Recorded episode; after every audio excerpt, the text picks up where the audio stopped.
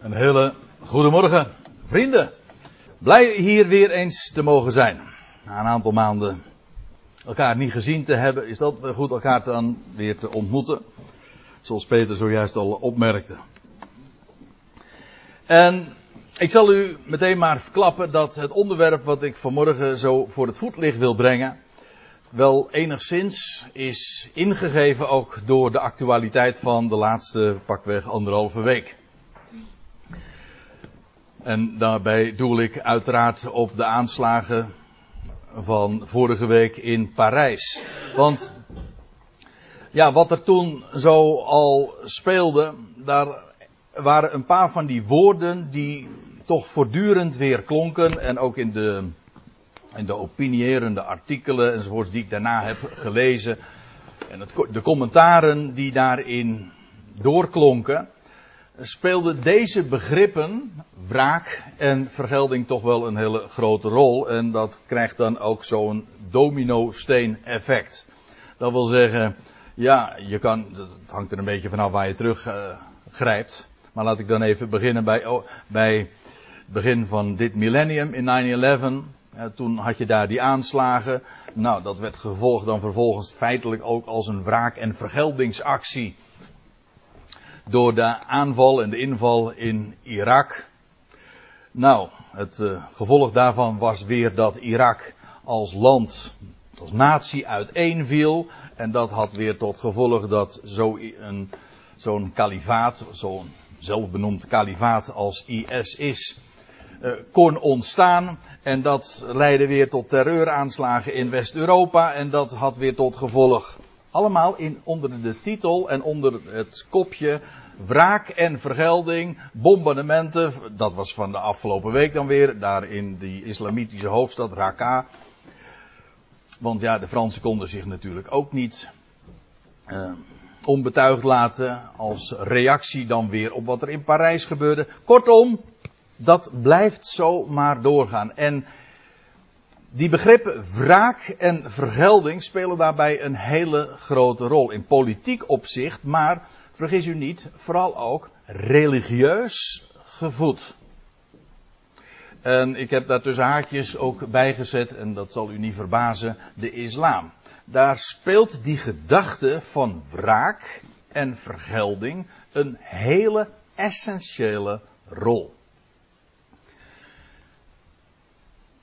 En wat ik vanmorgen wil doen, en dat is u meenemen naar Romeinen 12. En daar vinden we dat Paulus, ja, er zijn hoofdstukken, elf hoofdstukken aan vooraf gegaan, dat spreekt voor zich. En daar heeft Paulus een hele fundamentele uiteenzetting gegeven over wat God te melden heeft. Het evangelie van God, het goede bericht van God. En wat hij gedaan heeft in zijn zoon, Christus Jezus. En alle consequenties, de effecten daarvan. Nu, gewoon feitelijk, maar ook uiteindelijk wat dat allemaal uitwerkt. En Paulus heeft dat uiteengezet in een schitterend betoog. Het is een, men noemt het wel een kathedraal van geloof, van vertrouwen, waarbij de apostel van de natieën uiteenzet ja, wat er staat geschreven al in, in, in de profeten en in de Tenach, in ons Oude Testament. Maar wat dat allemaal tot gevolg heeft. Afijn, in elf hoofdstukken heeft Paulus dat gedaan. En dan in, vanaf het twaalfde hoofdstuk laat Paulus ook zien wat de resultaten daarvan zijn. En de effecten daarvan in het leven van degene die dat alles kent. En we zullen daarbij vanzelf ook aankomen in dat laatste gedeelte van Romeinen 12, waar Paulus inderdaad ook spreekt over wraak en vergelding en de houding van de gelovigen daarin. En waarom dan ook wel? Maar laten we eens beginnen bij het begin. Eerst eventjes aanhaken bij Romeinen 12. Uh, het eerste vers bedoel ik. Want ja, daar gaat Paulus de, de toon zetten. En ik lees het dan maar meteen even voor vanuit de, ja, de meest letterlijke weergave daaronder. Zoals u van mij gewend bent, ziet u dan een interlineair. Waarbij je vooral, voor degenen die het niet kennen, uh, moet letten op die tweede regel, want dat is de meest letterlijke weergave. En daaronder, in dat grijs, ziet u dan de wijze waarop de NBG het heeft weergegeven. En u begrijpt de eerste regel, dat zijn de woorden. Dat is de wijze waarop de apostel Paulus het ooit zelf optekende, 2000 jaar geleden. En hij zegt dan, ik roep jullie op, broeders, nu, na alles wat hij uiteengezet heeft. En u weet nog waar het, waar het direct voorafgaande mee afsloot. Romeinen 11, vers 36.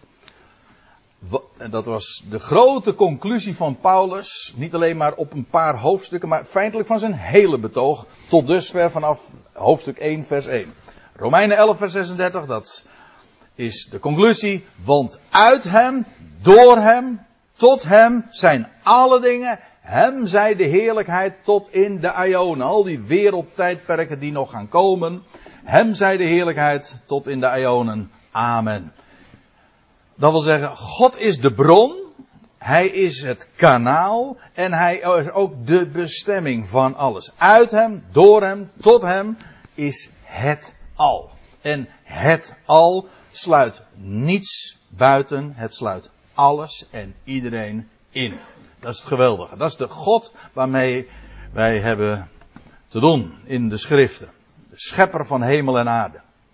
En dan zegt Paulus, ik roep jullie op broeders, door de barmhartigheden van God, want die had hij zo geweldig uiteengezet, juist eh, hoe God meeleidt, maar ook zijn ontferming betoont aan een wereld, een wereld van stervelingen, een verloren wereld, maar hoe God in die duistere wereld zijn licht laat schijnen.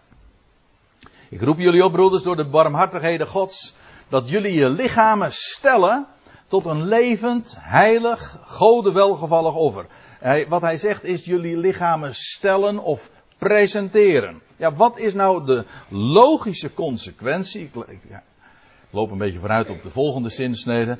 Maar wat is nou de logische vol consequentie als je dit alles kent, evangelie kent, God mag, hebt mogen leren kennen, nou dat je weet, alles is van Hem, dus ik ook.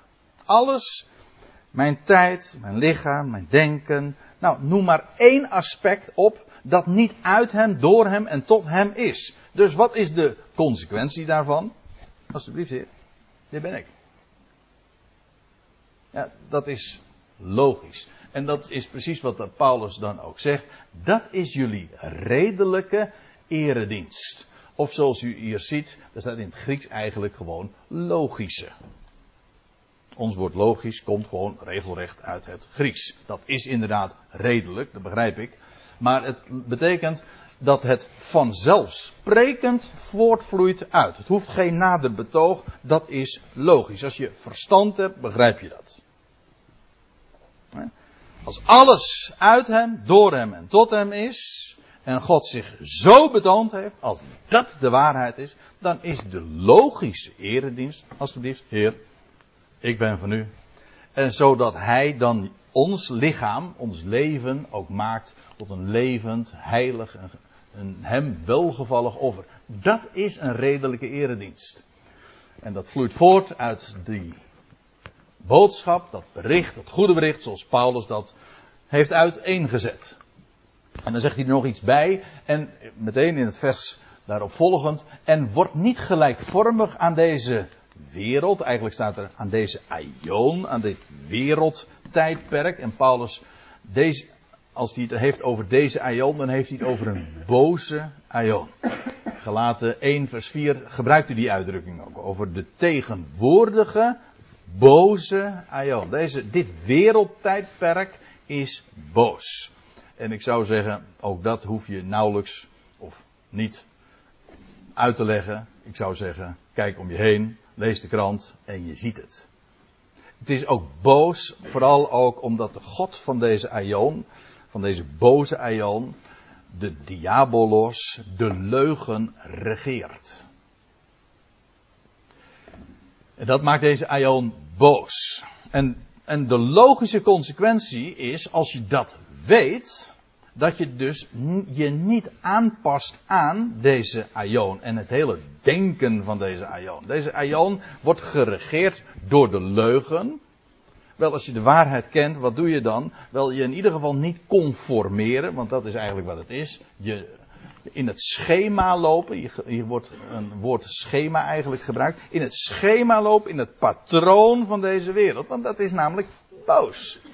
Deugt niet. Dus als je nou je, om het eens eventjes eh, te zeggen in de termen die wij vandaag altijd gebruiken, in de normen, de waarden, ik bedoel, wat zijn, wat is nou je houvast? Wat zijn nou je, je denkkaders? Waar ga je vanuit? Je uitgangspunten, je perspectieven. Waar spiegel je aan? Wel, in ieder geval niet aan deze Aion, want die is boos.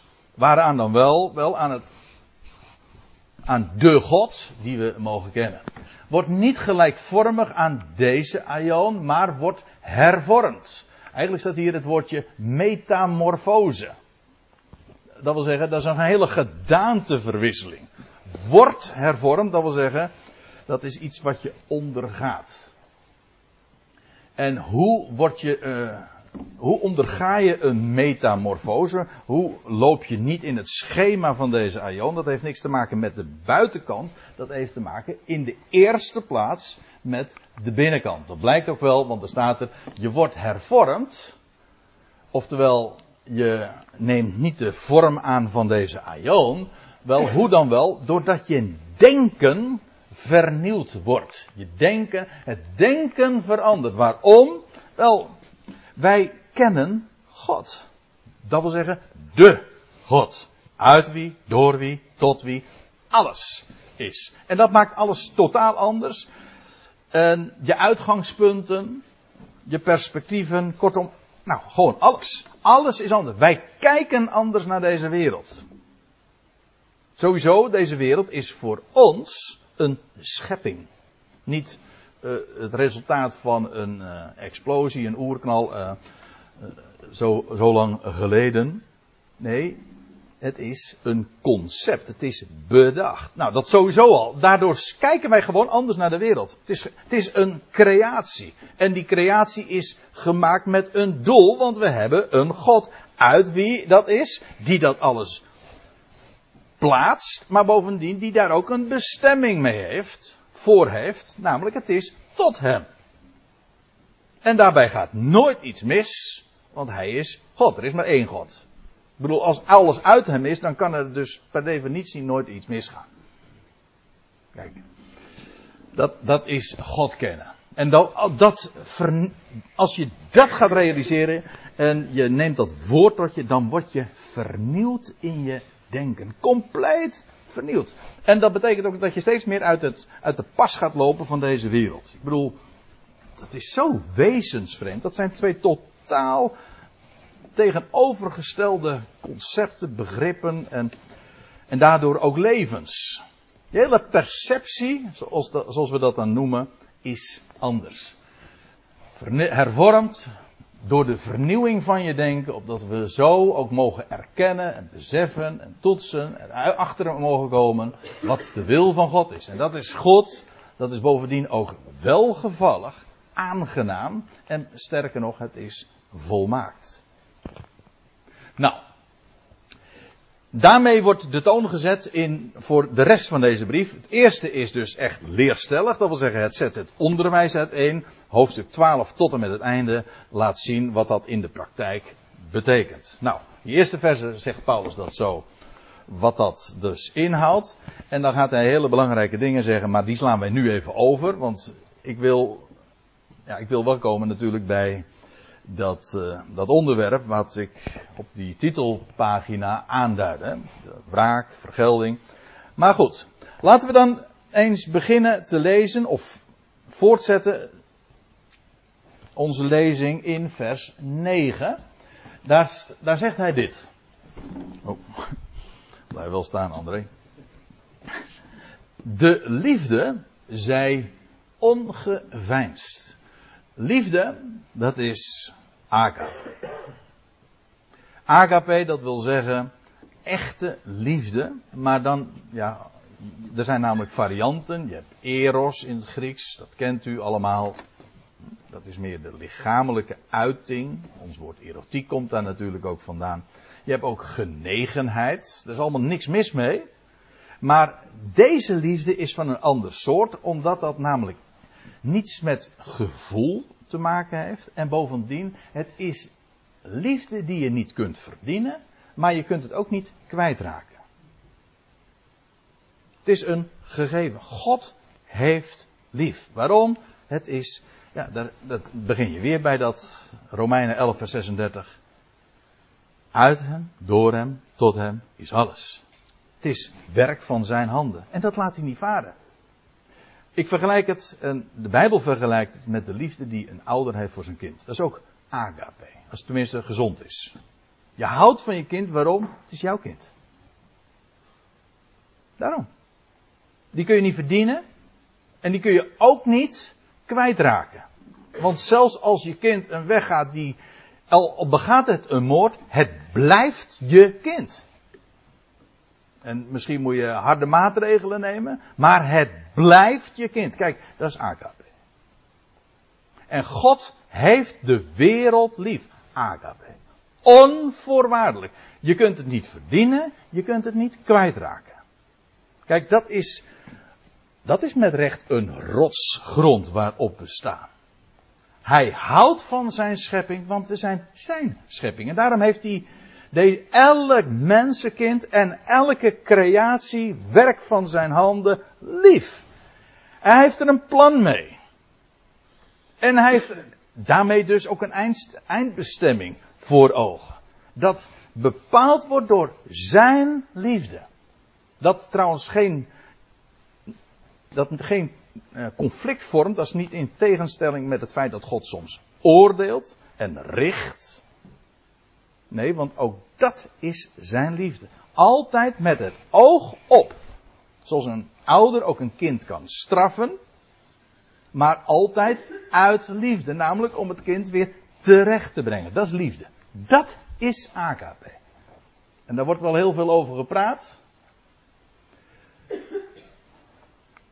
En ook in de christelijke wereld.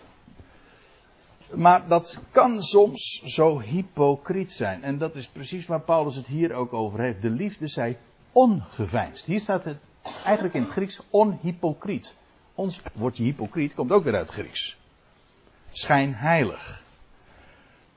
Dat wil zeggen, je fijnst het. Vandaar ook de liefde, de AKP, zij ongeveinsd. En het wordt zelfs zo ook verkocht. De, wat voor in de christelijke wereld, ik zeg het misschien scherp in de oren van sommige mensen, maar wat in de christelijke wereld vaak voor liefde versleten wordt, ik hou het maar even dicht bij huis, dat is geen liefde. Dat is betaalde liefde. Want je moet, je, kunt, je moet er iets voor doen, je moet er iets voor betalen, je kunt bovendien ook kwijtraken. En dat is dus, kijk, bijvoorbeeld, God houdt van je, zegt men dan, en dan gebruikt men AKP of men zegt onvoorwaardelijk. Maar, nou dat is dus hypocriet. Dat is hypocriet. Want als het liefde is, dan kun je die ook niet kwijtraken. Ongeveinsd. Kijk, zo mogen we naar elkaar kijken als broeders en zusters. Ik bedoel, deel uitmaken van het lichaam dat God zich vandaag uitroept. Omdat je dat evangelie van hem mag kennen. Maar we mogen zo ook naar de schepping kijken. Als geliefd. En Paulus zegt dat zij ongeveinsd. Niet alsof, nee, echt. We kijken door de bril van God. En je houdt van de ander niet omdat die ander nou zo aardig is, dat kan. De liefde die je hebt voor je vrouw is weer anders dan goh, uh, de genegenheid die je weer hebt voor collega's of voor mensen van de, de voetbalclub, ik noem maar wat. Maar dat is sympathie. Dat is allemaal gebaseerd op waar, hoe de ander eruit ziet of dezelfde interesses heeft. Liefde, AKP, dat is gewoon, ja, kijk naar die ander als een creatie van hem. En dus geliefd. En Paulus zegt dat zij ongeveinsd. Wees afkerig van het kwade, gehecht wordende aan het goede. En het goede, dat, ja, wat is goed? Nou, dat gewoon wat logischerwijs moreel goed is. Ik bedoel, dat hoeft ook geen betoog. Als je deze dingen kent, dan weet je wat goed is en wat niet goed is. Dat weten mensen trouwens ook perfect altijd aan te wijzen bij een ander. En de, mooiste, de mooiste, die vind je trouwens in Romeinen 13. Eh, dat is een hele mooie criterium. En die begrijpt iedereen. Daar hoef je helemaal niet eens gelovig voor te zijn. Wat jij niet wil, jou geschiet, doe dat dan ook een ander niet. Kijk, dus, dat, als je dat wel doet, dan is het gewoon niet goed. Punt. Je kan het ook positief trouwens zeggen, dat doet de Bijbel ook. Wat jij wil dat jou geschiet, doe dat ook een ander. Kijk, dat is moreel goed. Logischerwijs. Wees daaraan gehecht. Wees in broederliefde, broederlijke genegenheid, elkaar genegen. dat is nog weer van een andere orde die we hebben naar elkaar toe. Als de, de inner circle, zal ik maar zeggen. Van de mensen die je goed kent, die je nastaan, om omdat je dezelfde roeping ook deelt dezelfde kennis mag hebben. In een boze aion leven we in een gezelschap. God plaatst ons in een gezelschap van mensen die hem ook kennen. Nou, Paulus zegt, in de broederlijke genegenheid tot elkaar wees genegen. In eerbetoon elkaar ten voorbeeld. Eigenlijk staat hier een woord voorgaand. Dat kan je twee manieren opvatten. De ander laten voorgaan. In de zin dan van de ander hoger achten.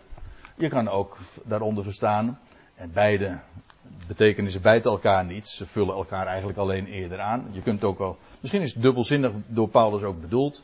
De ander voorgaand, dat wil zeggen elkaar voorgaand, namelijk in respect. In eerbetoon. De eer, dat is, ook, dat is trouwens Romeinen 13. Ere wie ere toekomt. In ijver onverdroten, dat is een woord dat we niet zo heel vaak meer gebruiken, is niet echt modern Nederlands. Maar ja, dat is onverdroten, dat niet dralend. Niet lui, niet traag. Vandaar dus ijver. Paulus geeft van die instructies die zo logischerwijs iedere keer voortvloeien uit de wetenschap, uit het besef, we zijn van Hem. Hier bent u. Nou, wat betekent dat? Nou, deze dingen die houdt hij zo aan de gelovigen te Rome voor. En dat zijn, dat zijn geweldige aanwijzingen, maar ze, ze zijn ook inderdaad stuk voor stuk allemaal logisch. Hij zegt nog iets. Ik wil zo een aantal dingen die, die hij hier zo naar voren brengt, wil ik zo wat meer speciaal ook voor het voetlicht brengen. Hij zegt in ijver dus niet dralend, maar ook vurig van geest. Het kan ook vurig van vlees zijn trouwens. Hm? Maar hij heeft het over vurig. Eigenlijk staat hier, zoals u ziet in die interlineair, kokend heet zijnde. Wij kennen ook een, uh, nog een woord daarvoor. Dat is ook, en dat is ook weer Grieks, enthousiast. Ik weet niet of u ooit wel eens een keer aan gedacht hebt, maar enthousiast, dat heeft te maken met antheus, dat wil zeggen in God. Dat, dat, tweede deel van dat woord, enthousiast, dat betekent dus gewoon God. Het verwijst naar Hem. Ik weet niet of u daar ooit wel eens bij bepaald bent, maar het is geweldig. Als je God kent, ja, dan maakt dat enthousiast. Als je God werkelijk kent. Dan word je vurig. Als je. We, we zongen het zojuist ook. Ik weet niet meer even welk lied het was, maar in elk geval dat hij ons inderdaad verwarmt, maar ook vurig maakt door zijn woord. Dat woord, dat wakkert aan, dat maakt ons blij, dat maakt ons enthousiast. En hij zegt, wees kokend heet. In de wereld is er zo ook veel lauwheid, logisch wijs ook, want de wereld is ook ijskoud. Het is donker, maar daarmee ook koud. Die twee gaan vaak hand in hand, hè? dat weten we. En de hele wereldse filosofie is koud. En dan bedoel ik niet alleen maar die religieuze wereld waar ik het zojuist over had, daar in het Midden-Oosten. Dat is ook koud. Donker, duister, maar ook de hele wereldse seculiere filosofie die God niet erkent en dus ook geen schepper kent en dus moet alles toevallig zijn, is ook zo koud. Ik hoor het Midas Dekkers nog zeggen voor de televisie. U weet wel, die bioloog die. Uh, die, uh, ja, die helemaal uitgaat van, van puur toeval. En hij zegt, ja, hij zegt.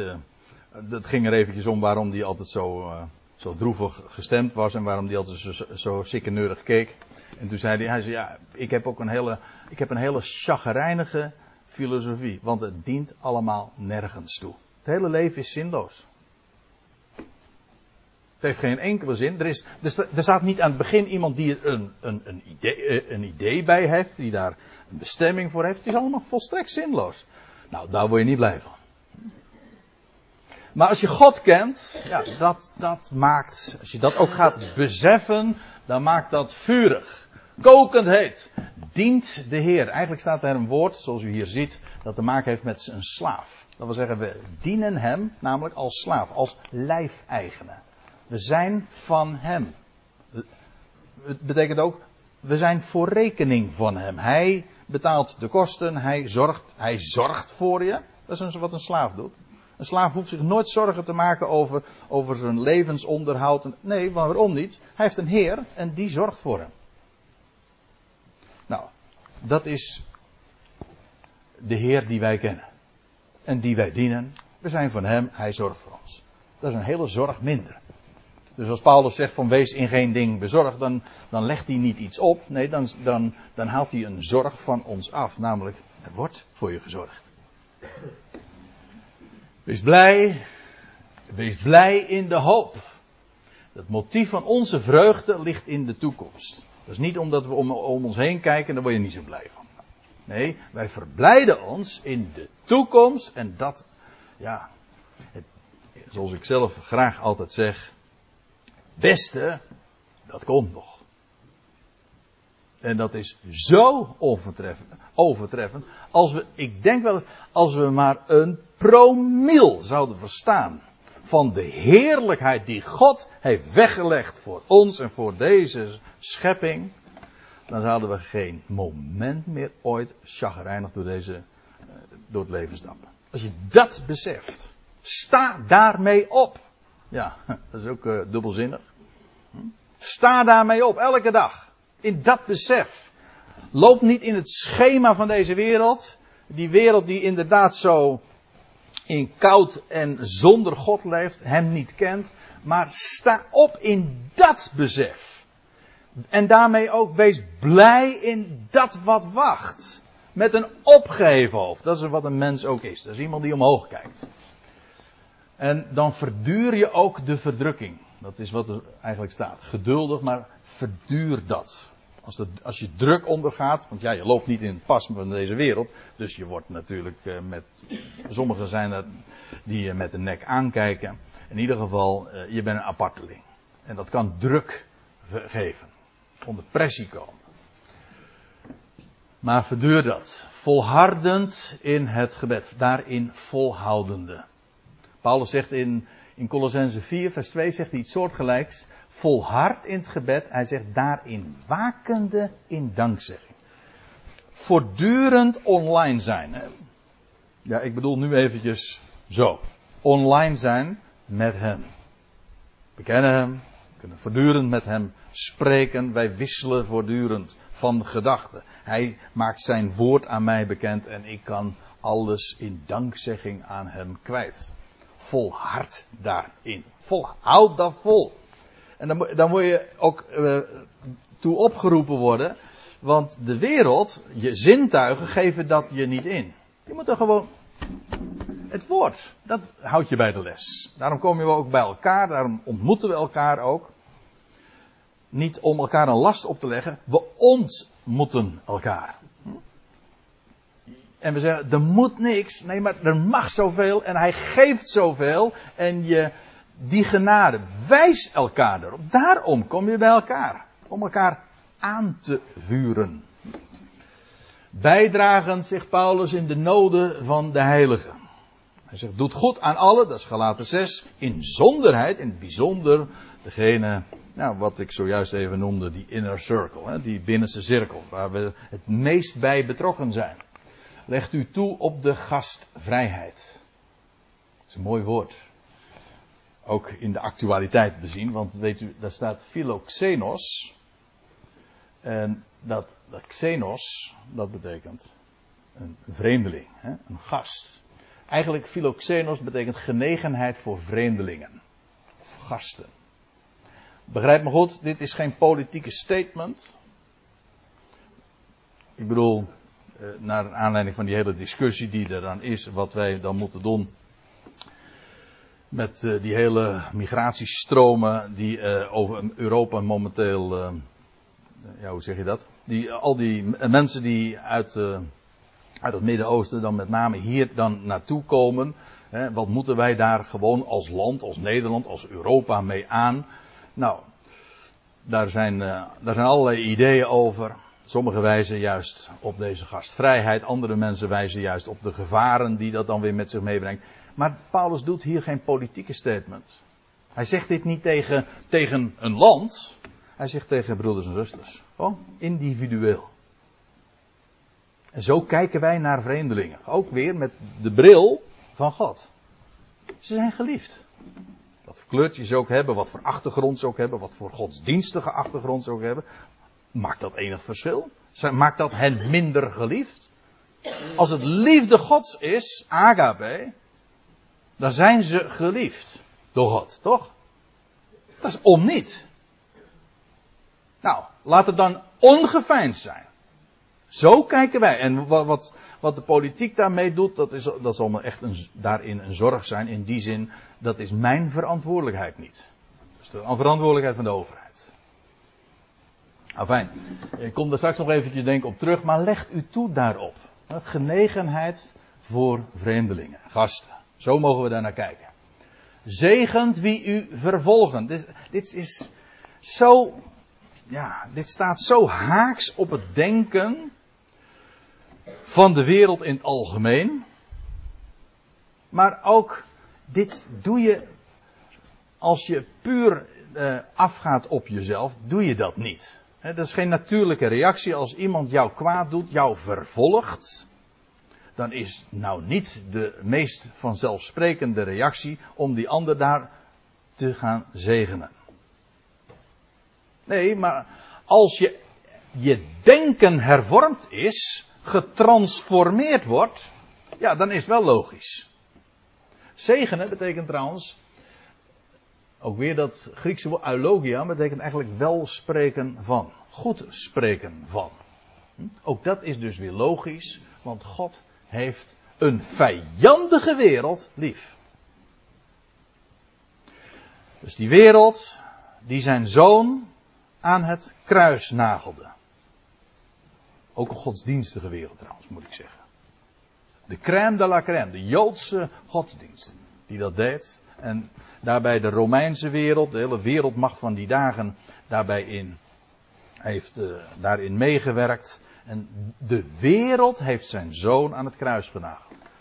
Komt dat in mindering van zijn liefde? Nee, het is juist het ultieme bewijs van zijn liefde. God liet zijn zoon aan het, aan het hout nagelen. En God zegt, zoveel hou ik van deze wereld. Want al doen ze dat, ik ga diezelfde wereld het leven geven.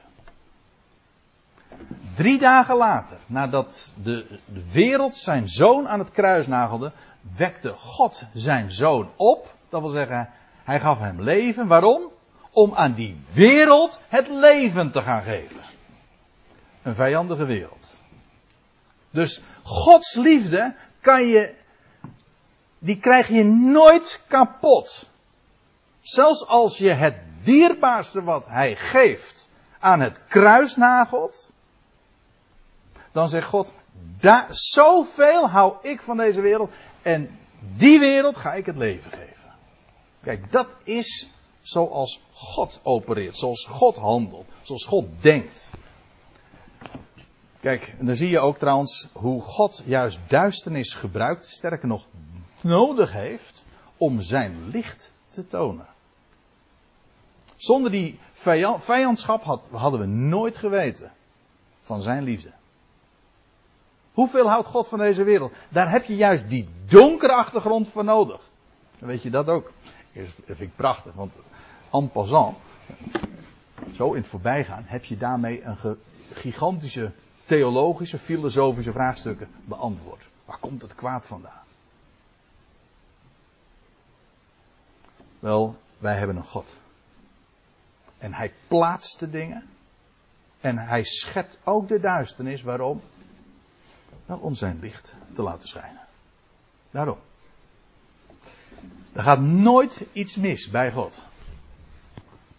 Zegent wie u vervolgen. Dat wil zeggen, spreek wel van hem. Zegent, vervloek niet. Vervloeken, dat is precies het tegenovergestelde. Dat is, als je het in het Grieks leest, dat woord, dat betekent eigenlijk iemand neerwaarts verwensen. Nou, wij, wij verwensen iemand niet neerwaarts. Nee, wij denken opwaarts. Ook over die anderen. Wees blij met de blijden. Het zijn van die prachtige aansporingen. Van die hele korte woorden die Paulus zo hier voorhoudt. Maar overweeg ze eens. Wees blij met degenen die blij zijn. Dat heeft te maken met inleven. De ene, sommige mensen zijn in, in een situatie waarbij ze blij zijn. Weet ik voor welke reden. Er zijn zoveel redenen die een mens blij kunnen maken. Ik bedoel gewoon ook in de tijdelijke zin van het woord. Je een goed bericht hebt gehoord. Je bent blij omdat je examen gehaald hebt. Of je bent blij omdat eh, je kind gezond ter wereld is gekomen. Of je bent blij dat je een goede boodschap vanuit het ziekenhuis hoort. Wees blij met de blijden. En maar ook weent, huilt met de, ween, met de wenen, ja, huilt met de huilende, weent met de wenende. Dat wil zeggen, leef met hen mee. Ook zij zijn creaties in al die situaties van God. En wees onderling eensgezind. Niet zinnende op hoge dingen, maar voegt u in het eenvoudige. Eigenlijk staat er niet het eenvoudige, maar meervoud. De, de eenvoudigen, of beter nog, de nederigen. Dan weet je ook meteen wat dat is. Dat zinnen op hoge dingen, dat is eigenlijk hoogmoed. Beter willen weten dan. En dat heeft dan ook weer alles te maken met wees niet eigenwijs, niet gezind bij jezelf. Dat kan, in, kan je individueel opvatten, maar gewoon ook in het algemeen dat egocentrisch, maar ook dat je de mens in het middelpunt plaatst. Wij denken niet, mag ik het even heel uh, officieel zeggen, wij denken niet antropocentrisch, dat wil zeggen we zetten niet de mens in het middelpunt, maar we denken theocentrisch. God staat centraal. Uit hem, door hem, tot hem is alles. Zo kijken wij, zo denken wij. Dat is, wees niet gezind bij jullie zelf, spiegel je daar niet aan. En nou komt het. Nou komen we uiteindelijk toch bij dat punt waar we het al eerder over hadden. Vers 17. Hij zegt, vergeld niemand kwaad met kwaad. Dat is een hele menselijke reactie. Je ontmoet kwaad, iemand doet jou kwaad en wat doe je? Je zet hem betaald. Hè? Je betaalt hem terug met gelijke munt. Vergeld niemand kwaad met kwaad. Maar hoe dan zo? Hoe dat zo? Nou, het alternatief is, hebt het, go- nee, hebt het goede voor met alle mensen. Dat, dat goede voor hebben, dat is letterlijk voordenken. Dat wil zeggen, je bent voorbedacht op. Je bent voorbedacht op, ja wat? Op het goede, op het voortreffelijke. Waarom is dat? Wel, ja, ook hier moet ik weer zeggen. En dat geldt voor al die dingen die je zo hier op een rijtje vindt. Al die aansporingen die Paulus doet. Het is logisch. God heeft het goede voor alle mensen. Heel Romeinen 1 tot en met 11 spreekt daarover. Zet dat uiteen. Romeinen, Romeinen 3 bijvoorbeeld. Want allen zondigden en, heb, en derven de heerlijkheid God, staat er dan. Allemaal stervelingen, allemaal zondaren. Allen hebben gezondigd. Allen derven de heerlijkheid Gods. En allen worden om niet gerechtvaardigd door zijn genade. Door de verlossing die in Christus Jezus is. Hij betaalde een prijs om niet. Kijk, dat is het goede voor hebben. Trouwens, als u nog even. Nou, ja, ik met één bladzijde terug te bladeren. Nee, ik hoef helemaal niet terug te bladeren. In vers 32 van Romeinen 11, dan lees je nog dat Paulus zegt. Want God heeft allen onder de ongehoorzaamheid besloten. Waarom? Om zich over allen te ontfermen. Daarom. Kijk, God heeft het goede voor met alle mensen. Alle mensen. En wij zijn ook bedacht daarop. Heb dat goed in de gaten, met wie je ook te maken hebt. Als er iemand, als er mensen zijn die je kwaad doen, dat kan om het geloof zijn, dat kan nou, in welke context dan ook. Mensen die jou kwaad doen, wat is je reactie daar dan op? Nou, bedenk goed dit. God heeft die ander lief. God heeft het goede voor met die ander. God gaat het ook met die ander wel maken. Op zijn tijd, op zijn wijze. Daar staat hij garant voor. Dat kun je niet, ik zei al, dat kun je niet verdienen. Het is om niet. Het is genade. Je kunt het ook niet kwijtraken. Het, kijk zo eens naar die ander die jou kwaad doet. Kijk, en dan begrijp je ook waarom Paulus dat zegt. Dit is logisch. Vergeldt niemand kwaad met kwaad. God heeft alles in zijn hand, dus ook deze gebeurtenis. Al was het maar om jou iets te leren. Die ander te leren, eigenlijk gaat dat ons niet eens aan, dat is aan hem. Maar wij mogen het goede bedenken. Voorbedacht zijn op, namelijk alle mensen. Het gaat hier niet alleen maar over de broeders en zusters. Alle mensen. Wie dan ook. Vergeld niemand kwaad met kwaad. Wees voorbedacht op het voortreffelijke, op het ideale van alle mensen. Houd, dat vloeit er dan ook direct uit voort, houd zo mogelijk, voor zover het van u afhangt, vrede met alle mensen. Dat is logisch dan. Waarom? Ja, kijk, voor zover het van u afhangt, want kijk, ze zeggen dan, it takes two to tango. Eh, als een ander, eh, als een ander eh, in oorlog is met jou, nou dat hoeft nog niet te betekenen dat jij in oorlog bent met die ander. Nee, maar dan is er geen praktische, beleefde vrede, dat is waar. Maar voor zover het van ons afhangt, hebben we vrede met wie dan ook. Ook dus degene die ons kwaad doen en daarop bedacht zijn en dat ook uitvoeren. En ik geef expres geen, geen, geen voorbeelden. Dat doet Paulus hier ook niet. Ik bedoel, elk mens, ik bedoel, u die hier nu zit en die nou, nu naar deze dingen luistert en dit zo leest vanaf het scherm. Iedereen kan voor zichzelf daarin gewoon een situatie voor de geest halen. Aha, ja. ontmoet kwaad. Wat is, wat is mijn reactie daarop? Nou, dit. De beste tip die Paulus uh, geeft, dat, is, dat zijn deze woorden. Dat is zo, dat is zo geweldig en het is ook zo logisch. En op het moment dat je de logica ervan ziet, dan hervormt dat je denken, maar daarmee ook je gedrag. Je hele motivatie. Je perspectief wordt anders. Houd zo mogelijk voor zover het van u afhangt vrede met alle mensen. Wreekt uzelf niet, geliefden, maar laat plaats voor de toorn. Wreekt jezelf, jullie zelf niet. Wreken, dat is je recht verschaffen. Hè? Of dingen recht zetten. En wat Paulus zegt, die wraak, dat heeft een geëigende plaats, maar het is niet aan jullie. Breek jullie zelf niet, geliefden, maar wel, hij zegt, laat plaats voor de toorn. Geef plaats aan de boosheid. Dat wil zeggen, het heeft een geëigende plaats. God maakt de dingen. Op zijn tijd en op zijn wijze zet hij de dingen recht. En ik zeg dit ook omdat, ja, we lezen nu vanmorgen alleen maar Romeinen 12, maar je zou gewoon de brief door moeten lezen en dan krijg je Romeinen 13 en dat is het hoofdstuk over de overheid. Dat er geen over, elke overheid is van boven. Dat wil zeggen, die is van God gesteld. En is een dienares van God, staat er. Niet de overheid moet een dienares van God zijn, ze is het. Het is gewoon een gegeven.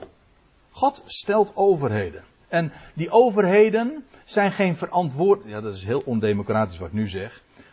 De overheden zijn geen verantwoording schuldig aan haar onderdanen, maar aan degene in dienst waarvan zij staat. Namelijk aan God. Trouwens, en, van God lezen we ook, hij stelt machthebbers aan en hij, hij blaast ook weer weg. Dat doet hij. Dat is niet onze zaak. Kijk, dat is trouwens ook weer, mensen maken zich zo druk over politiek. En dat is zo geweldig als je die brieven leest. Paulus doet dat nooit. In, in de brieven lezen wel nooit. Die overheden die hebben een verantwoordelijkheid naar God toe. En die onderdanen, wat is de verantwoordelijkheid van de onderdanen? Om gewoon zich te onderschikken. Dat is wat Paulus zegt. Onderschik je aan die overheden. Bid voor ze.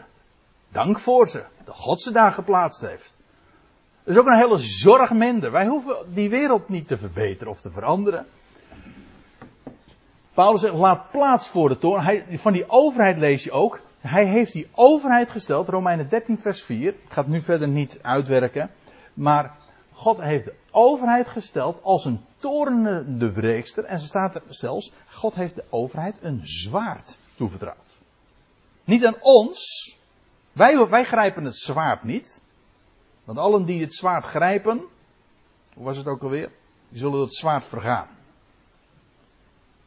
ons als individu, als, als onderdanen van de overheid, ons is geen zwaard gegeven.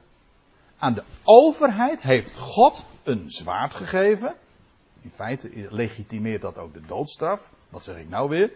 Maar goed, daar moet u maar eens over nadenken. Maar God heeft de overheid een zwaard gegeven. Niet te vergeefs. Zij, zij wordt ook geacht de dingen recht te zetten. Misdadigers en misda uh, daar ook uh, als toornende wreekster uh, tegenop te treden. Maar niet aan ons. Daarom wreek jullie zelf niet geliefden, maar laat plaats voor een toorn, namelijk op de plek waar het hoort. Bijvoorbeeld als de overheid. Maar bovendien, God doet dat ook uiteindelijk. Want zelfs als de overheid haar taak niet verstaat, God zet het toch wel recht.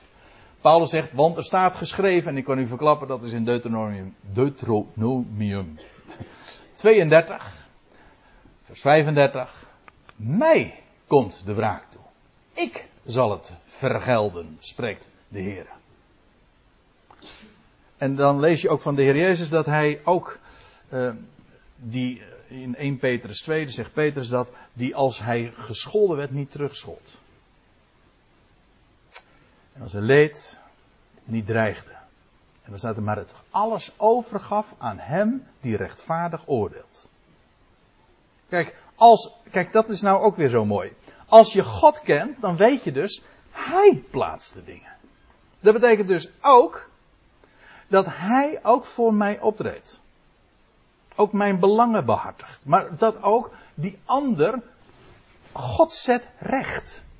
Richten betekent eigenlijk ook, hij, God brengt de dingen weer terecht. Hij zet de dingen recht en hij brengt ze terecht. Hij zal het vergelden. Wij denken, ik zal dit staat dus in Deuteronomium, dat is in het Hebreeuws staat het eigenlijk. En het Hebreeuwse woord dat is shalem. En dat is verwant aan het woordje, vrijwel hetzelfde schrijf je dat ook, als het woordje shalom.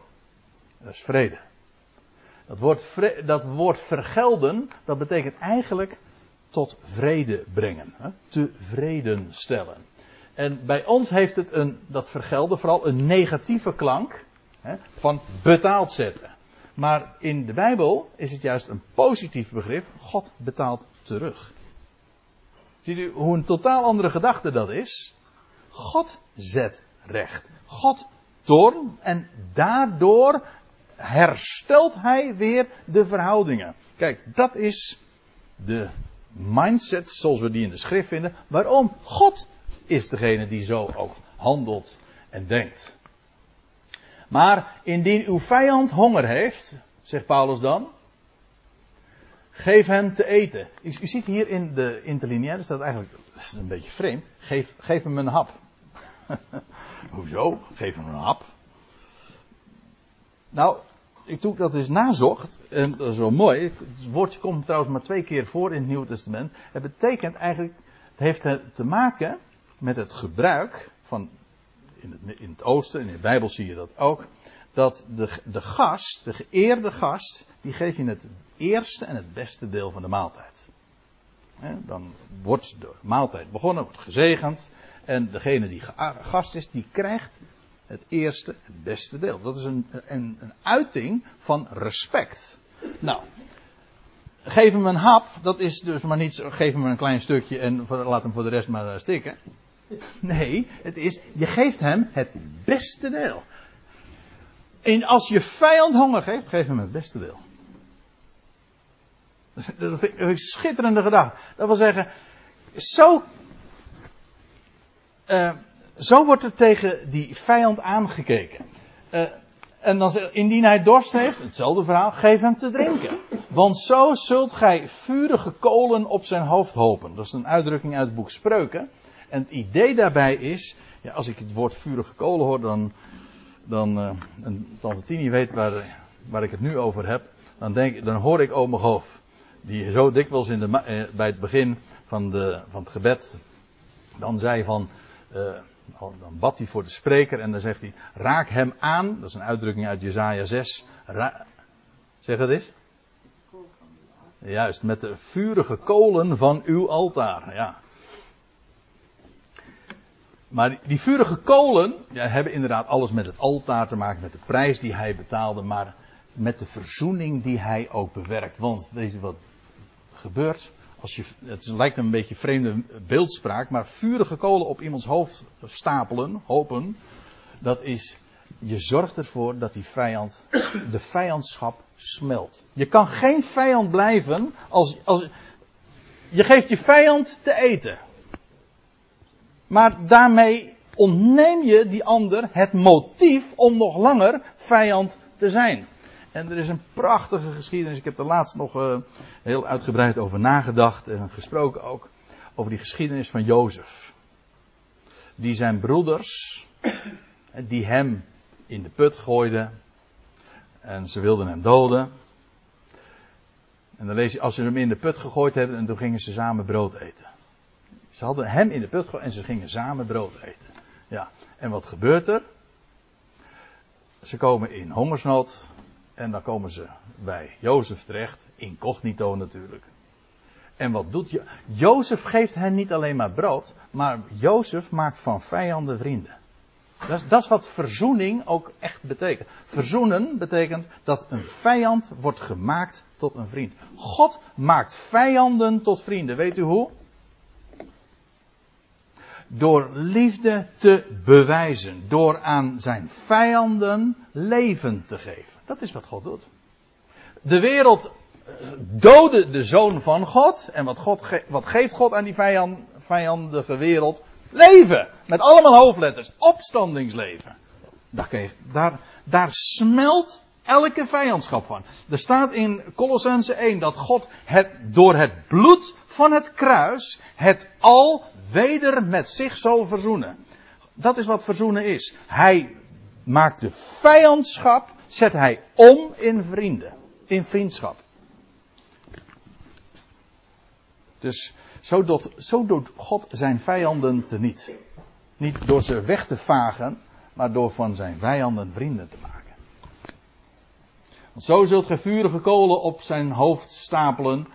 En dan het laatste vers. Laat u niet overwinnen door het kwade. Of letterlijk staat er. Word niet overwonnen onder dat kwaad. Verkijk je er niet op. En laat je er, en word er niet door overwonnen, maar, nou het alternatief, overwin het kwade door het goede. En als u nou even goed precies meekijkt, dan staat, het staat er nog mooier.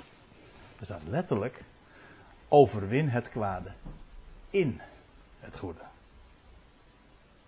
Wat is het verschil?